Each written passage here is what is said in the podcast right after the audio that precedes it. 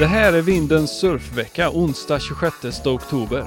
I veckans avsnitt, ett tropiskt score, sydamerikanska tåg och tre svåra frågor. Veckan som gick bjöd inte på jättemycket surf här hemma. Några småsmulor tidigt i tisdags var det enda som fanns på fikabordet. Men en chans till revansch verkar ges redan nu till helgen. Mer om det lite senare i prognosen. Men om inte vågorna kommer till oss här hemma så får väl vi här hemma åka till vågorna. Så resonerade i alla fall vår utrikeskorrespondent Kalle Norinder som har skickat några vykort från lite riktig surf på varmare breddgrader. Väster om Malaysia ligger Sumatra. Strax väster om Sumatra hittar vi Pulau Nias. På den lilla öns södra ände ligger Lagundri Bay och där hittade Stoke-doktor Norinder in i den här guldgruvan. Vår korrespondent verkar ha välkomnats av ett rejält swell och det är bara att gratulera till scoret. Även om gnarvundsjukan samtidigt får mig att gnissla tänder här hemma. Men ingen glädje varar ju för evigt tyvärr, som vi alla vet. Och så var fallet även för Kalle dessvärre. Lite varning för en äcklig bild coming up här, men det här var vad som satte stopp för Kalle i den första swell-perioden. Vi får bara hoppas att Stoke-doktorn lyckats lappa ihop sig själv tills nästa swell rullar in. Ta hand om foten Kalle och vi återkommer såklart med fortsättningen på det här äventyret i kommande avsnitt. Från Indonesien till internet. Det har blivit dags att kolla in veckans utvalda vågor. Jag har återigen dödsscrollat ner till botten av Instagram-brunnen i jakt på coola klipp. Det här fyllde jag hinken med den här veckan. På tredje plats hamnar det här lilla goa gömstället i Medelhavet från Medisorasp som håller till i Barcelona. Muy bien. På andra plats, den här bak och fram-glidaren från Connor Eck. Jämfota med fenan först bromsar han in och driftar sedan sin bussbräda vinkelrätt mot vågen hela vägen innan han rättar till fötterna på pedalerna och parkerar vid hållplatsen på insidan. Snyggt. Men ingen av dessa går upp mot veckans första plats. Där hittar vi den här evighetsåkturen i en konstant vältande chilensk vänster. Det var Ignacio Bobadilla som hade turen att få åka med det här tåget ett par hundra meter. Och man vågar ju knappt ens tänka på hur många mer likadana han fångar den här dagen. Vi har såklart en bubblare också. Det är det här klippet när Kalani Latansi ger ordet brädbyte en ny innebörd. När han inte bodysurfar Nazaré, ja på riktigt, så gör han tydligen såna här inverterade bakåtvolter från sin longboard och fortsätter surfa vågen med händerna. Ja, varför inte? Om du också vill göra ett byte, men från kort till lång då, så kan jag lösa det. Det här är veckans video. Filmen jag vill tipsa om den här veckan heter Worship och den följer två brittiska surfare under ett år längs Englands sydvästkust. Och om jag inte läste innan att filmen visar just Englands sydvästkust så hade jag aldrig gissat på det. De här vågorna påminner mer om de chilenska tågen vi såg tidigare än min bild av Devon och Cornwall. Men alltid lika kul att bli överraskad, så se den här filmen på Vimeo eller klicka på länken här nedanför. Okej, okay, det har kommit in lite fler frågor från er som tittar och lyssnar. Det tackar vi för. Och vad är då bättre än att skicka dem vidare till surfprofessorn där ute i verkligheten? Första frågan kommer via Instagram och är lite relaterad till förra veckans dilemma om att ta med sig kompisar till okända spots. Eh, så här står det. Vad är ett okej okay sätt att bjuda med sig själv till ett ställe som en kompis snackar om? Ja, vad säger surfprofessorn om sällskap i line-up? Jag tänker att här finns det goda förutsättningar att fråga utifrån att din bekant just har berättat det här för dig. Men ett sätt att närma sig ett svar på din fråga är att utgå från dig själv. Hur skulle du vilja bli frågad om du var i den här bekantas situation? Ett sätt är att inte på något sätt avkräva den här personen eh, kartnålar eller eh, prognosriktningar eller annan information om spottet utan fråga rätt och slätt om att skulle jag kunna få följa med nästa gång? Det skulle vara väldigt roligt.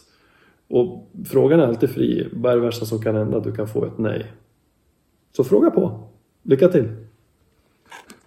Tack för det svaret David. Vi går vidare till ett lite mer konkret problem som också kommit via Vindens Instagram. Den lyder så här. Hej, varför spricker alltid mina våtdräkter i rumpan? Ja, vi skickar väl över frågan till professorn och ser vad han har att säga. Ja, jag tror att det är fler än du som har det problemet, mig inkluderat, fast då i de mer främre regionerna. Det kan vara en hårresande upplevelse. Varför blir det så? Ja, ingen aning.